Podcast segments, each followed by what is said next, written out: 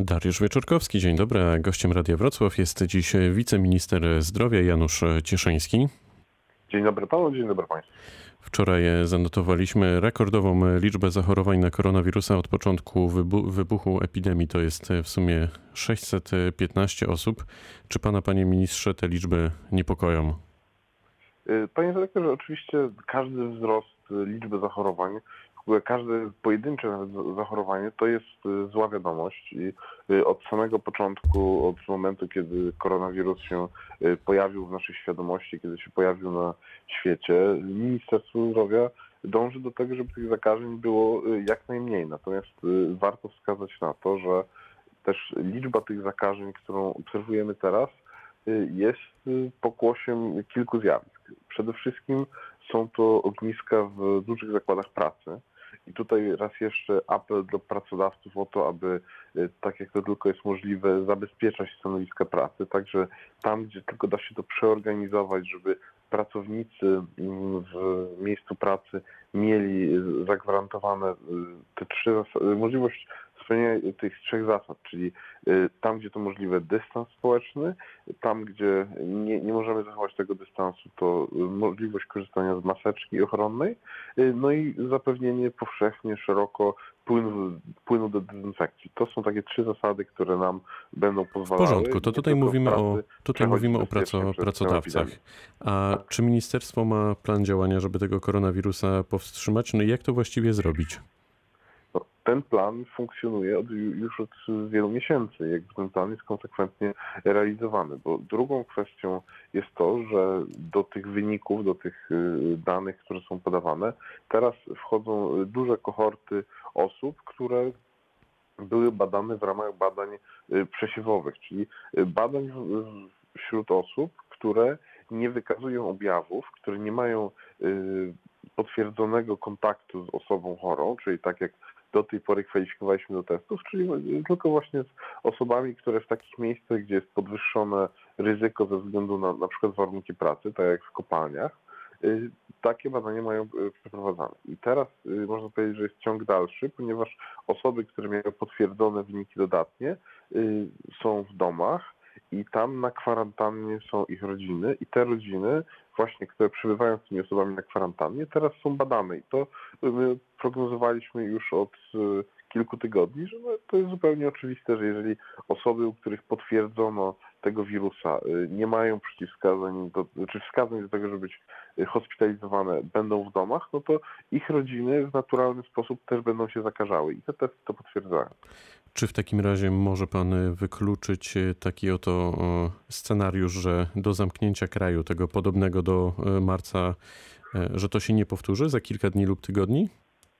Hmm, oczywiście na wszystkie scenariusze musimy być przygotowani. Natomiast y, patrząc na to, jak to w tej chwili wygląda, z tych prognoz, którymi dysponujemy, a które w, tutaj zgodnie z informacjami, które otrzymaliśmy od głównego inspektora sanitarnego w ostatnich y, dniach, tygodniach sprawdzały się praktycznie w 98%.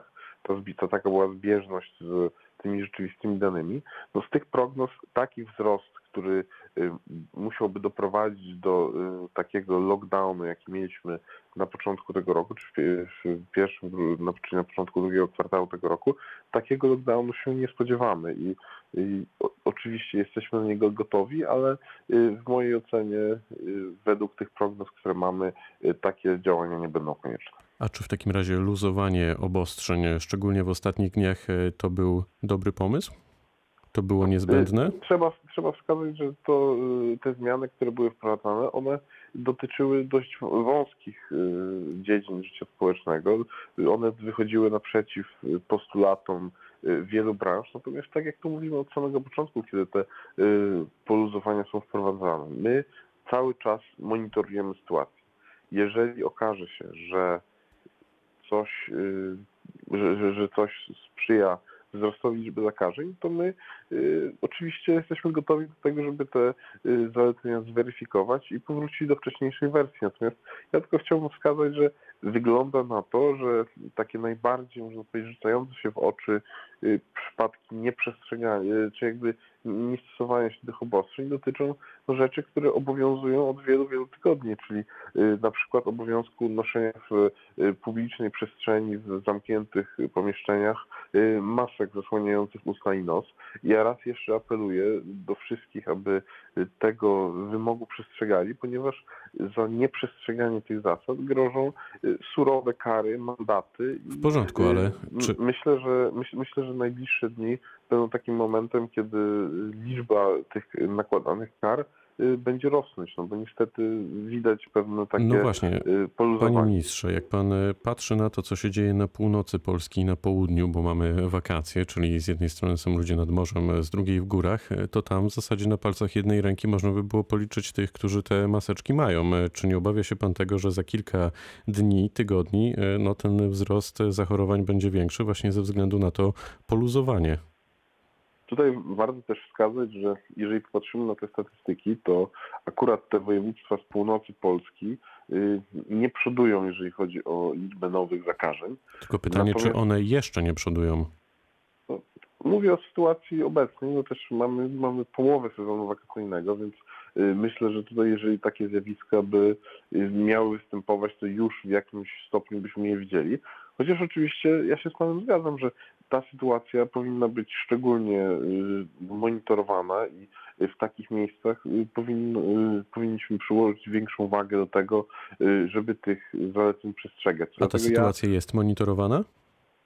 Absolutnie, jak, jak, najbardziej. No, tak jak panu mówię, jeżeli chodzi o liczbę zakażeń, jeżeli chodzi o rozwój epidemii w poszczególnych województwach, to jest to monitorowane i, i z tego też źródła wiemy, że w tak naprawdę ponad połowie województw mówimy o pojedynczych liczbach, jeżeli chodzi o nowe zakażenia. Tutaj one się koncentrują y, w trzech przede wszystkim województwach, czyli w województwie śląskim, małopolskim i mazowieckim. I to właśnie tam y, ten, to, to właśnie tam y, w największym stopniu y, zajmujemy się tym, w jaki sposób wprowadzać jakieś nowe rozwiązania, czy też y, wzmacniać przestrzeganie już funkcjonujących. A co z Polakami, którzy wracają z zagranicy? Tutaj w, w, przypadku krajów Unii Europejskiej ta kwarantanna została zniesiona. Warto wskazać, że ze względu na swobodny przepływ osób, Y, tutaj w przypadku krajów Unii Europejskiej, y, jeżeli chodzi o kwarantannę, no to y, jest pewne utrudnienie w jej wprowadzeniu, ponieważ mamy takie sygnały, że na przykład loty są realizowane z przesiadką, no i wtedy nie ma możliwości skutecznego monitorowania tego, skąd ktoś przyjechał, czy z jednego, czy drugiego europejskiego kraju. Stąd my oczywiście będziemy działać tak, jak będą nam wskazywać dane i są też na przykład decyzje w ubiegłym tygodniu o tym, aby od tej środy ograniczyć loty do Czarnogóry i Luksemburga. Stąd y, przygotowujemy analizy związane z tym, czy nie należy y, takich ograniczeń wprowadzić, jeżeli chodzi o Hiszpanię, bo tam widzimy, że znowu w tysiącach liczy się y, liczbę nowych przypadków. Na bieżąco tę sytuację monitorujemy y, i CDC taką y, informację na temat zapadalności w poszczególnych krajach publikuje w dwutygodniowych cyklach. No i my do tego, do tych cyklów się też dostosowujemy z naszymi y, decyzjami, no bo one są zawsze podejmowane na podstawie danych. A jak pan słyszy te zapowiedzi ekspertów, którzy przewidują, że jesienią ta kumulacja zachorowań na grypę i koronawirusa może być naprawdę duża, to czy to będzie tak, że ten poziom zachorowań będzie liczony w tysiącach pacjentów? Czy wy macie jakieś symulacje jako Ministerstwo Zdrowia? Tutaj według mojej wiedzy przede wszystkim chodzi o to, że y, obawy ekspertów dotyczą sytuacji, w której pacjenci z objawami y, podobnymi dla grypy i koronawirusa y, pojawią się w gabinetach lekarskich no i będą i będzie takie podejrzenie, że te osoby mogą właśnie przy tych objawach y, mieć y, tego wirusa. Natomiast wedle wszelkiego prawdopodobieństwa, przypomnę, że pacjentów z grypą w sezonie do gabinetów lekarskich przychodzi jednego dnia nawet 100 150, a niektórzy mówią, że i 200 tysięcy. Y, chodzi o to, aby nie dopuścić do sytuacji, która, którą widzieliśmy w innych krajach europejskich. Czy służba zdrowia? Czy aby koronawirus właśnie doprowadził do utraty jakby wydolności systemu ochrony zdrowia. I, I czy służba zdrowia jest na to przygotowana?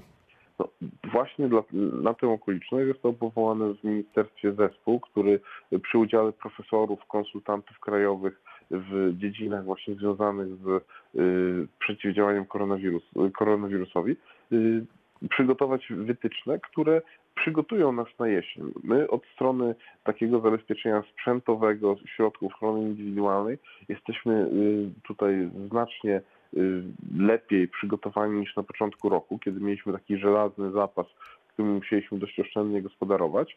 Teraz, ty, teraz udało się to zabezpieczenie znacznie, y, na znacznie większą skalę przygotować i ze względu na to ja jestem przekonany, że jeżeli rekomendacje tego zespołu będą przestrzegane, no to ta sytuacja będzie znacznie lepsza niż w tych pierwszych miesiącach tego roku. Czy pan e, będzie rekomendować e, powrót uczniów e, do szkół we, wrześ we wrześniu? Taka decyzja, że tam, gdzie to będzie możliwe, powrót dzieci do szkół we wrześniu będzie realizowany, już można powiedzieć, że zapadła. Taka jest też nasza intencja, żeby tam, gdzie to będzie możliwe, czyli przede wszystkim bezpieczne, dzieci wróciły do szkół, żeby tam, gdzie to jest możliwe, życie społeczne, gospodarcze wracało do normy. Natomiast indywidualne decyzje będą zapadały na poziomie dyrektorów konkretnych placówek, ponieważ to oni najlepiej w porozumieniu z powiatowymi inspektorami sanitarnymi znają sytuację epidemiologiczną w okolicy i w samej placówce i na tej podstawie będą mogli podejmować decyzje. Wydaje się, że w tym przypadku te decyzje powinny być naprawdę zindywidualizowane, tak żeby y, wtedy, kiedy tylko będzie taka potrzeba, ograniczyć transmisję, czy potencjalną transmisję właśnie w ramach jakiejś placówki oświatowej. A na jakich y, etapach są opracowania poszczególnych szczepionek? To znaczy, kiedy my realnie będziemy faktycznie mogli pomyśleć o tym, żeby się zaszczepić? Panie redaktorze, tutaj spływają te informacje z całego świata. Y, natomiast y, dotychczasowe doświadczenia y, każą podchodzić do nich z bardzo dużą ostrożnością. Polska uczestniczy w rozmowach, które są prowadzone w, na okoliczność powołania takiego ogólnoeuropejskiego konsorcjum zakupowego, jeżeli chodzi o szczepionki. Y, to konsorcjum negocjuje z chyba wszystkimi y, liczącymi się światowymi y, potentatami na rynku produkcji tych szczepionek, natomiast no, o treści tych negocjacji lepiej na ten moment jeszcze publicznie nie mówić, no ponieważ takie negocjacje lubią ciszę.